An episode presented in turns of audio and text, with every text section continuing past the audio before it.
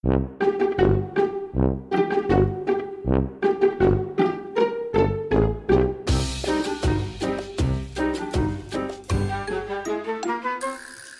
visiem dabas draugiem! Šī ir jau piektā podkāstā, drusku izglābt pasauli epizode.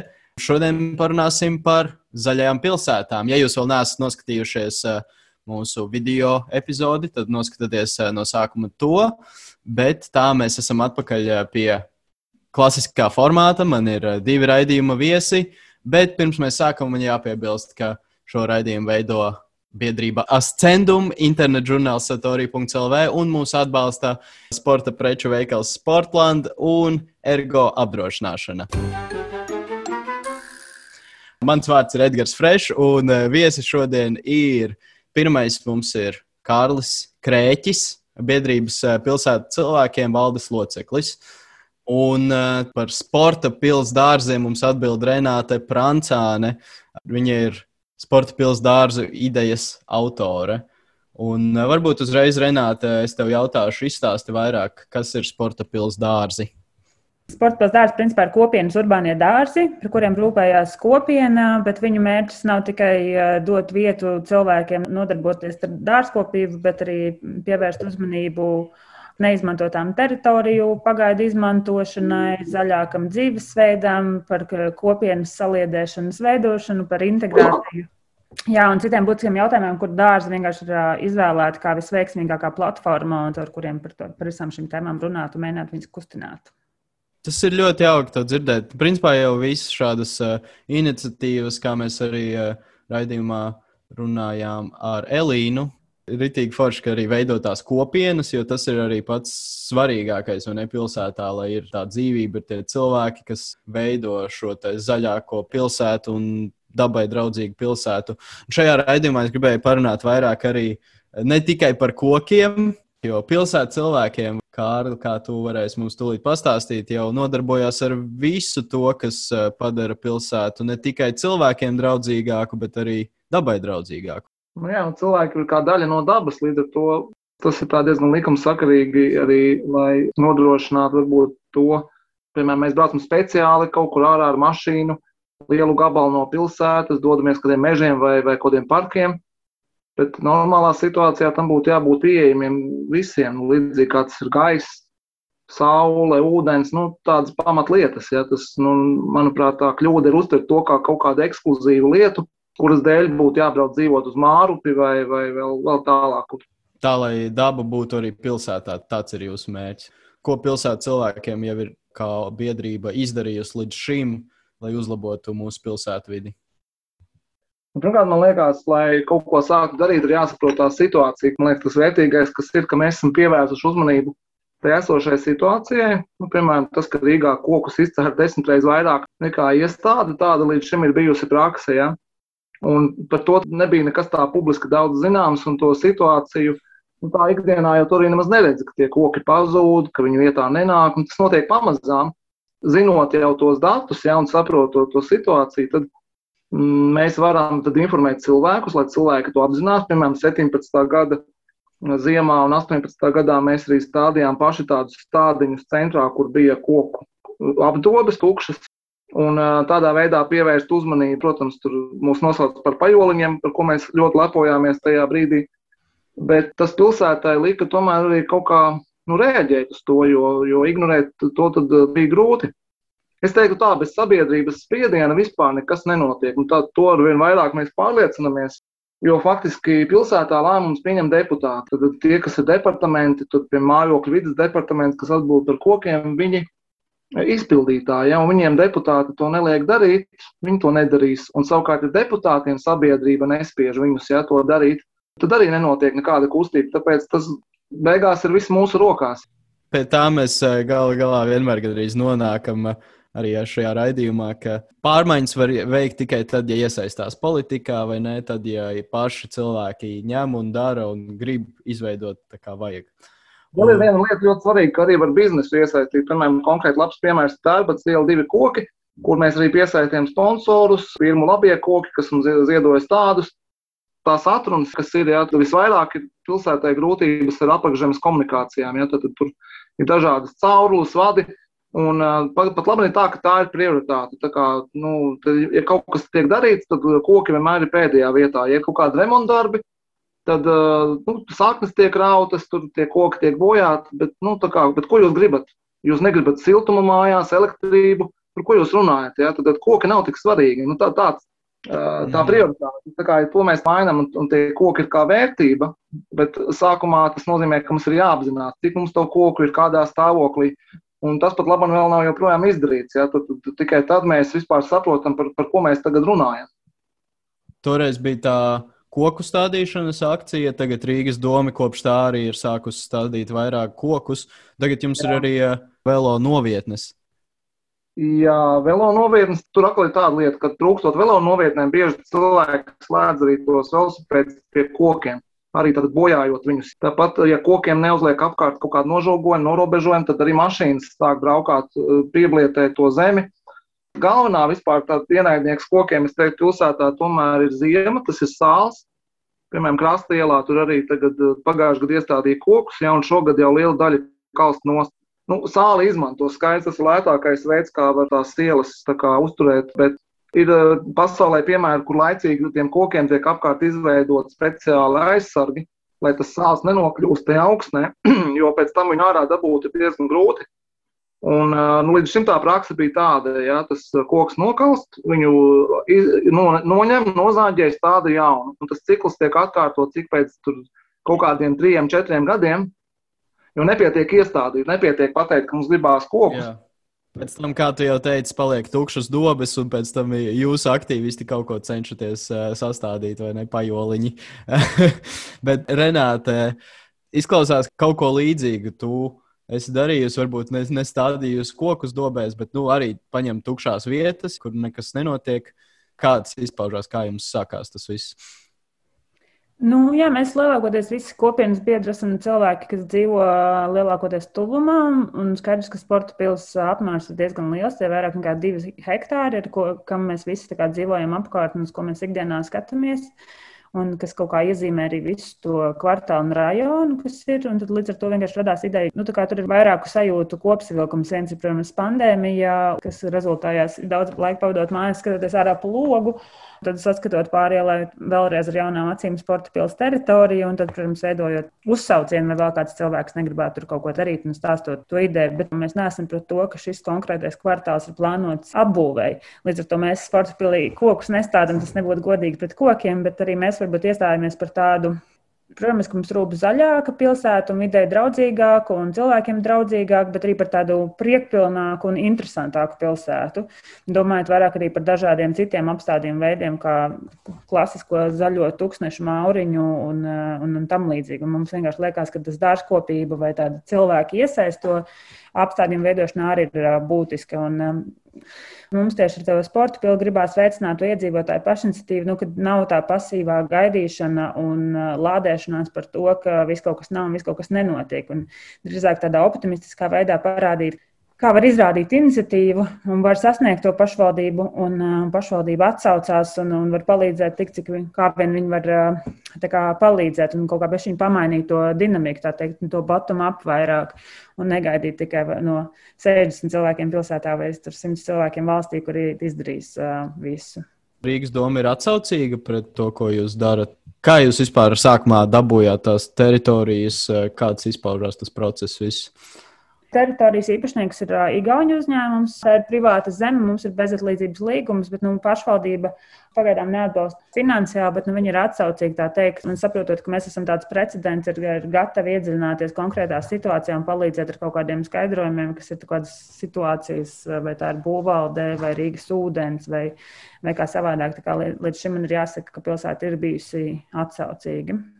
Un cilvēki, kas vēlas paši kaut ko tādu izveidot, arī kaut kādā jārunā ar eh, privāti īpašniekiem kaut kādās teritorijās, vai kāds būtu tas process? Nu, man liekas, pirmais, jā, jāatver acis un jāpaskatās, kas ir apkārt. Jo skaidrs, ka tukšās teritorijas īpaši centrā ir ļoti daudz. Tad, protams, ir jānoskaidro, kas ir šie zemes īpašnieki un jāmēģina viņi uzrunāt. Un mēs arī ļoti ceram, kā ar sporta pilsētas dārziem, ka mēs tiešām vēlamies kultivēt, lai šādi dārzi un šāda veida projekti ir vairāk un dažādās apkaimēs un dažādos rajonos. Tā kā es noteikti teiktu, ka ir jānotic, ka to var izdarīt, ir jāpaskatās, kurš laukumiņš tas varētu būt, un uzrunāt privātu īpašnieku, bet arī var vērsties pie sporta pilsētas dārziem pēc padomu noteikti. Jā, parasti jau es domāju, visi tie īpašnieki visām zemēm ir priecīgi, ka viņiem kaut kas tur tiek darīts un tiek apzaļumots. Tīpaši, ja viņi tajā brīdī nekas cits nav plānots un neko nedara ar to zemi. Es neteicu, ka tur ir kaut kāda spēcīga pozitīva vai negatīva emocija, bet mm -hmm. skaidrs, ka tas varbūt var likties kā apgrūtinājums, jo tā ir tā teikt, sadarbība starp sabiedrību, privātu īpašnieku un, protams, arī pašvaldību. Un, un, un neviens nevēlas, teikt, vai īpašnieks nevēlas uzņemties saprotamu iemeslu dēļ riskus. Tā kā es domāju, noteikti tas, par ko mēs esam vairākas reizes arī minējuši, būtu manuprāt, vērtīgi domāt pilsētas līmenī par um, rīkiem, kas motivē šādu veidu teritorijas nodot pagaidu lietošanā, nevis tikai stāvvietām, kas ir finansiāli visizdevīgākais risinājums, bet tiešām varbūt apzaļumošanas vai kopienas projektiem. Bet, nu, protams, ka tur ir riski arī, un, un tas ir darbs arī ar sabiedrību un, un uzticēšanās savstarpēji un tam līdzīgi. Nu jā, man uzreiz ienāca prātā tieši Tērbats ielā pretītāja sporta pils teritorijā. Tur ir viens konkrēts piemērs. Diezgan liels pagauns ar zāli, zemi, melnzemi un stāvvietas zīme. Tas būtībā pēc noteikumiem tas ir nelegāli, jo nedrīkst ierīkot uz augsnes un zāles stāvvietu. Nav pat runa par to, ka tā stāvvieta tiek ierīkota, ja, bet tam ir jā, nu, jābūt arī korekti mm, izdarītam. Tāpēc es domāju, ka, protams, tā stāvvieta ir finansiāli izdevīga, Bet jāskatās, lai pilsētā nav tā, ka vienkārši tas notiek pilnīgi haotiski, bez kaut kādas kontrolas un sistēmas. Mēs arī tagad tieši spriežam ar, ar Rīgas domu par stāvvietu lietām Rīgā. Pasaulē ir tāda pieredze, ka, lai cilvēki atbalstītu teiksim, maksas stāvvietas un kaut kādu to sistēmas sakārtošanu, tai naudai ir jānokļūst atpakaļ apkaimē. Tas ir ietvi sakārtošanai, kokiem, krūmiem, arī piemēram šādam projektam. Ja? Tas ir nevis kaut kāds tur neliela summa gadā, kur ir liels konkurss un tur grūti kaut ko izdarīt, bet tās summas ir lielas. Tas ir apmēram 5 miljoni eiro gadā, ko Rīga ieņem no autostāvvietām, un tas vienkārši aiziet kaut kādā kopējā katlā. Jo, ja cilvēki neredz, ka tā nauda tiek izmantota viņiem, tad viņi arī netic tai pilsētai un neredz jēgu, kāpēc vispār par kaut ko maksāt vai kaut ko darīt. Kaut kas tiek plānots nākotnē, tad izveidot šo katlu ar naudu, un tad būs pārredzamāks tas viss. Nu, mēs to lobējam. Teiksim, tā, mēs mm -hmm. gribētu tādu modeli redzēt, jo teiksim, ir tā, ka pat labi ir, nu, teiksim, kaut kur tiek ievietots maksas stāvvietas, tad autovadītāji ir neapmierināti, ja viņiem ir jāmaksā.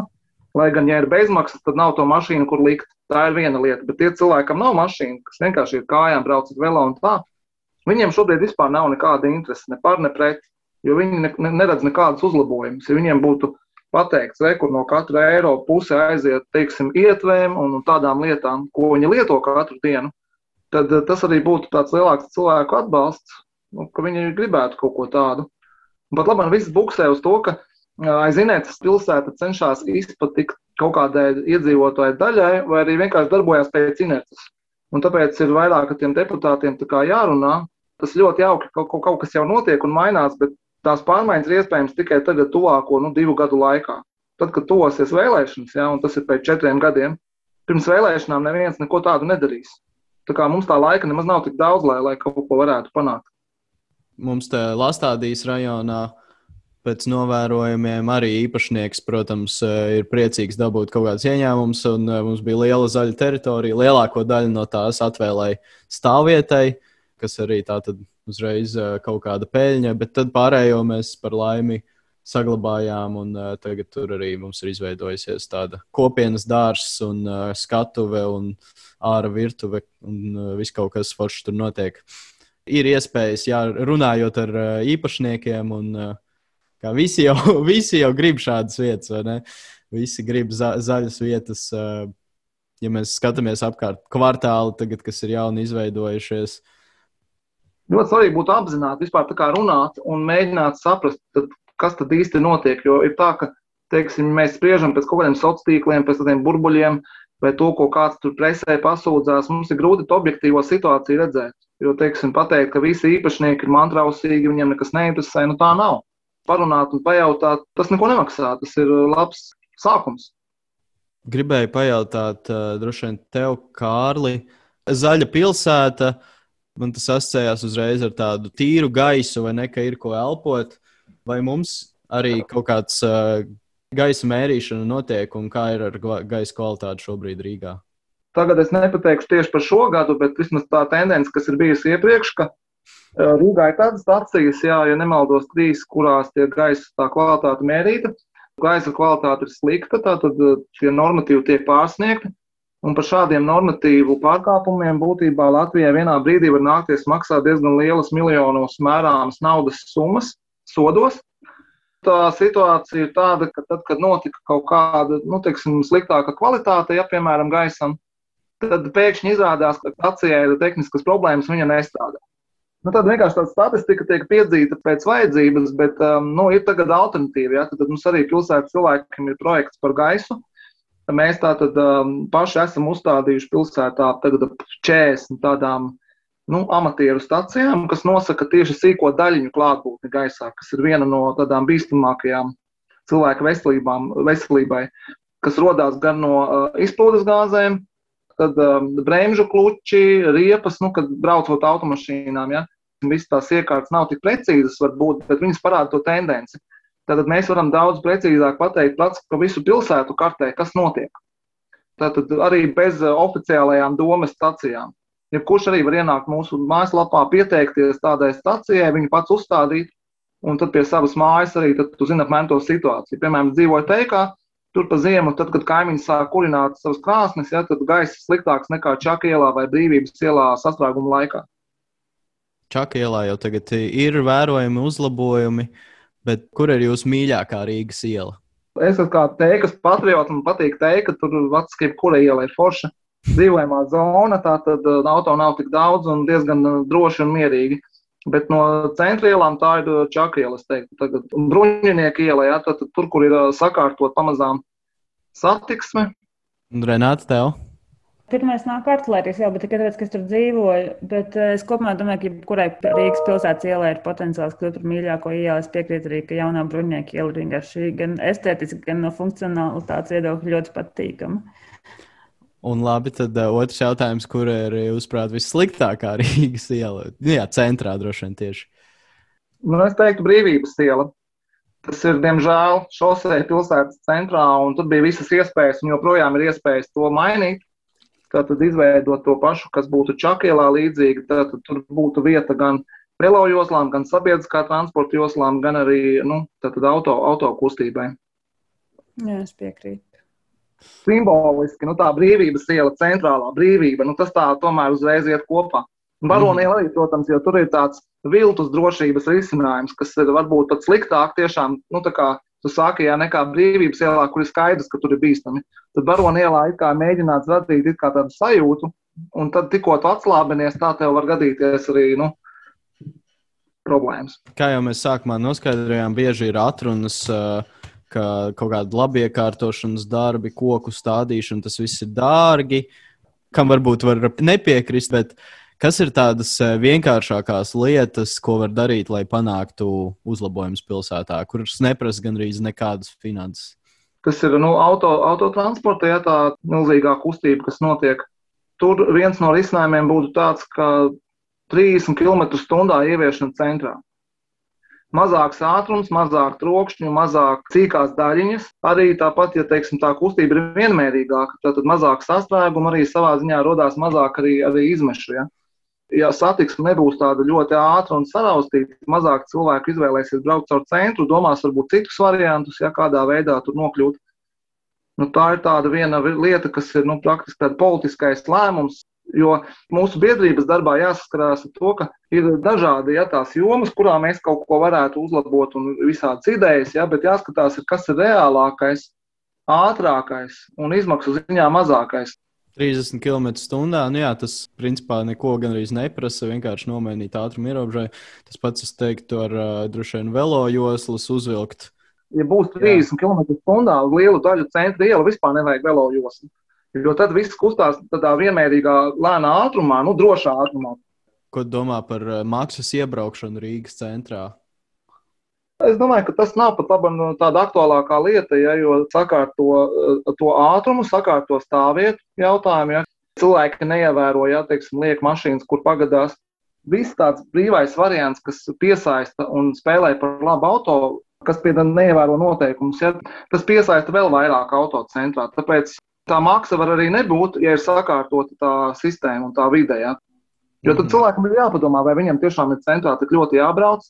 Ja viņam ir lielas izmaksas par to dienu, ja teiksim, tur stāvēt, varbūt, var braukt ar taksi, kāršēringu, sabiedrisko velo. Ja, tā kā, nu, tagad tās iespējas paliek ar vien vairāk, piemēram, kāršērings aug ļoti strauji. Ja. Tad mēs būtībā dzīvojam pagātnē, ja mēs tagad domājam par kaut kādu stāvvietu risinājumu. Ja, kad cilvēki ar vien mazāk sāk lietot automašīnas, un tad mēs tās stāvvietas tagad sabūvējam. Priekš kam? Tavuprāt, tas, kā mēs šobrīd veidojam šīs pārmaiņas, tas, uz ko mēs virzamies, tiks atrisināts sastrēguma problēmas un uh, pilsēta paliek zaļāka? Vienkārši, nu kā pilsētā jau ir stratēģijā, viss dokumentos noteikts par prioritātēm, kas ir svarīgi. Bet ar dokumentiem nepietiek, tad jāskatās, ir budžets, kur aiziet nauda. Un tikai tad, kad tur būs arī finansējums un reāli tās lietas notiks, tad mēs varam teikt, ka kaut kas arī mainās. Bet jautājums, vai sabiedrība to pieprasa, varbūt, cilvēkiem tas nav vajadzīgs. Mēs par to runājam kā kaut kādu pašsaprotamu lietu, un lielākā daļa teiks, priekš kam. Tātad, Kārli, jums ir biedrība pilsētas cilvēkiem. Renāta, vai jums arī ir kaut kāda biedrība, vai tu esi izveidojis biedrību ar šiem sporta pilsētām? Mums ir biedrība, bet mums nav visi dārznieki, dārza nomnieki biedri automātiski. Kā nodibināt biedrību vai apkaimes biedrību vai jebkādu pilsētas biedrību? Nu, atrast vēl biedrus, iet uzņēmuma reģistrā mājaslapā un uh, dibināt. Bet pirms tam noteikti ir jāsaprot, ka visas šāda veida biedrības diezgan turās uz entuziasmu. Tāpēc man liekas, ir būtiski arī saprast, uh, un ātri cilvēki ļoti izdeg, kas ir milzīgs risks. Un īpaši, ja šādi entuziasti ir maz. Tāpēc man liekas, ka, ko es redzu arī sporta pilsētā sakrā, ir būtiski uzlikt to, ko gribās izdarīt, un to lielo mērķi, un kaut kā visu laiku pie viņa turēties un nepazust tajās mazajās cīņās, varbūt līdz galam. Līdz ar to pirms dibināt biedrību, bet ir jāsaprot, ko tiešām gribās ar šo biedrību izdarīt, un kas ir šie cilvēki, ar kuriem kopā to var darīt, un kaut kā salikt to ceļa kārti, ko tas nozīmē. Kā jums ir eh, gājis ar šo visu pieredzi? Jā, tieši tā radās ideja, pastāstīt tuvākajiem draugiem, un tad kaut kā caur draugu draugiem tika atrast vienkārši domu biedru. Un, un tad pēc tam jau, kad mums izveidojās kopiena, cilvēki, kas nāca gan uz talkām, gan arī, ir, kas ir dārza īrnieki šobrīd, tad komanda principā lielākoties veido arī paši dārznieki. Dārza numnieki un komanda arī aug un cilvēki mainās atkarībā, protams, pēc savām iespējām. Tā kā tā komanda ir tā kā no 3 līdz 15 cilvēkiem apmēram. Un tad vienmēr tiek pieaicināti klāt no kopienas biedriem vēl cilvēki, ja ir kaut kas nepieciešams darīt. Un šobrīd arī notiek, ka viss notiek, vai ne? Vasara sākusies. Nu, šobrīd ir aktīvākā dārzkopības sezona. Tā kā mums ir pirmā dārza sezona, tad jā, visi aktīvi šeptē. Kā jūs redzat, vai nākotnē varētu izveidoties visā Rīgā šādas komunas, biedrības? Man liekas, ka jau Pašreizējā situācija rāda, ka cilvēkiem tas ir nepieciešams. Viņi kļūst vairāk par patriotiem savām apkaimēm. Man liekas, ka tos apkaimē biedrības gaits ir tiešām strauji audzis, un arī dažādi veidi biedrības, kas tiešām nav varbūt daļa no, no apkaimē biedrības, bet vēlās iesaistīties savas apkārtējās vidas iekārtošanā, attīstīšanā. Tā kā es domāju, ka jā, tas ir nepieciešams, un, un es domāju, vai par to, vai tas būs, tas jau ir. Tas būs tikai vairāk, un es domāju, ka vēl var savstarpēji, ja biedrības ir kaut kā mainīties ar resursiem un saslēgties, tad vispār tur ir vēl spēcīgāks pilsoniskais kapitāls. Tu laikam minēji, ka jums vēl uh, nav bijis uh, finansiāls atbalsts no Rīgas domas, bet vai jums ir uh, tieši caur šo biedrību arī bijusi kaut kāda iespēja, ka kaut kāds projekts jūsu apkārtnē tiek īstenots, uh, ka jūs to esat panākuši? Pat labi ir tā, ka reizi gadā ir tāds projektu konkurss tieši apkaimē biedrībām, un, un šogad arī varēja piedalīties fiziskas personas, pat ne tikai biedrības. Un tātad kopā pusmiljons eiro, pieci granti par 100 tūkstošu eiro. Apkaimē biedrībām arī ir izveidot apkaimē aliansi, kas viņus apvieno un palīdz labāk sadarboties. Tas atbalsts ļoti svarīgs, jo tas, ko Renāta arī teica, ka tieši tā tie cilvēki, kas darbojās, viņiem jābūt arī atbalstam. Un arī tas ir domas interesēs, lai būtu šādas kustības, biedrības, ja, jo tad domē ir vieglāk pieņemt pareizākus lēmumus un nevis labot kļūdas pēc tam. Tad tas arī ir, ko mēs kā pilsētas cilvēkiem gribam, lai pilsēta dalās ar mums jau projektu procesā, nevis tikai tad, kad jau ir viss izdomāts, un tad mums atliek tikai kritizēt. Vai tev ir informācija, kas šogad uzvarēja tajā konkursā, kur apkaimē? Uzvarēt centru apkaimē ar ģetrūdas ielas projektu apkārt ģetrūdas baznīcai. Tiesa, tur mums arī tāds konflikts tagad ar satiksmes departamentu, jo, jo viņi īpaši negrib to, to darīt. Satiksmes slēgt, ja tranzītam. Nu, redzēs, kā tur tas beigsies, ja tad tas nav tik vienkārši. Tur tā lieta ir tā, ka teiksim, nu, mūsu mērķis nav to izdarīt ātrāk. Ja to nevar izdarīt labi, tad labāk atliekam uz nākamo gadu. Nevis darām slikti un tad kaut ko labojam. Vēl vispār es gribēju, es nezinu, vai jūs esat pareizie cilvēki, kam šo jautāt par uh, mežiem Rīgā. Mums ir arī Rīgas meža vai ne tāds uh, Jā. kaut kāda akcijas sabiedrība, vai nē, tā ir sabiedrība. Jā, mēs ar viņiem sadarbojamies arī, nu tā tad ir bijuši mm. kopīgs tikšanās, un tagad kopš ir mainīta valde tur, tad arī tur ir sākušās pārmaiņas, arī viņi vairāk ar iedzīvotājiem uh, mēģina spriest par lietām, nu, piemēram, biķernieku mežu, kas ir blakus, ja teiksim, teikai.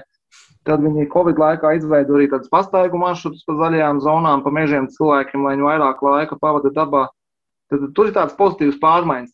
Piemēram, līdz šim bija tā, ka teiksim, tie Rīgas meži arī stādīja kokus, un viņi rādītu atskaities, ka tur tik un tik tūkstoši. Ja? Bet, ja tos kokus iestāda pierīgas mežos, vai tad centrā no tā mēs kaut ko sajūtam? Bet kā ir ar meža izciršanu? Parasti saka, ka nekas traks nav, vai ne, ka tur apkaimes mežus nedaudz izcērt. Bet es skatos, piemēram, man Ziepniekalnā ir meža tīrīšana un kaut kādās pilnīgi nesaprotamās vietās izcērt kaut kādus gabalus no meža un var redzēt, pat kartē, ja skatās no augšas, ir kaut kādi caurumi vienkārši meža vidū. Kāpēc tādi radās un vai tādi vispār ir vajadzīgi? Nu, pirmkārt, ir jāskatās uzreiz. Es iesaku tādu aplikāciju, kadastrs LV, kur mēs varam redzēt, kam pieder tā teritorija. Tātad mm. ir privāta lieta pašvaldībai.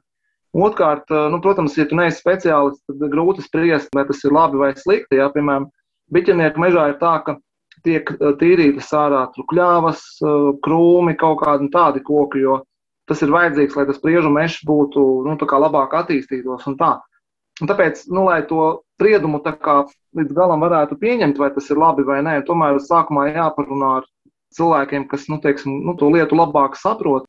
Um, es domāju, mums ir bijis uh, labs ieskats cilvēkiem, kas varbūt nav tik ļoti iekšā pilsētas aktīvismā par to, kas tas ir vai ne, kā var iesaistīties, veikt reāls pārmaiņas, kā strādā Rīgas doma. Pārsvarā par Rīgu šeit runājam, bet vēl es gribēju piebilst, ka cilvēki, kas dzīvo ārpus Rīgas, citās mazākās pašvaldībās, jums ir vēl lielākas iespējas iesaistīties un reāli kaut ko arī izdarīt, veikt. Bet es domāju, mēs jau drīzumā nobeidzam, vai jums ir vēl kaut kas piebilstams? Nu, es aicinātu arī teiksim, cilvēkus visā Latvijā, ja ir kaut kādi projekti, kaut kas notiek, kaut kas nav skaidrs. Droši sūtiet bildes, sūtiet ziņas mums, mēs varam palīdzēt ar padomu, ekspertīzi Tā daudzos gadījumos mēs arī tiešām rakstam par tām lietām, kas neiedzīgi tiek turpināts joprojām. Ja? Neatkarīgi vai tu dzīvo lielā vai mazā pilsētā, tev ir tiesības uz uh, drošu un zaļu vidi. Ja? Un, ja tu jūti, ka nav kam prasīt to padomu, ja tu neusticies vietējai varai, tad, tad droši var vērsties pie mums. Prieks vispār, ka ir tādi pilsētas cilvēki, kas kaut ko dara. Un arī paldies tev, Renāte, ka izstāstīji mums par sporta pilsētām un uh, lai jums abiem veicās.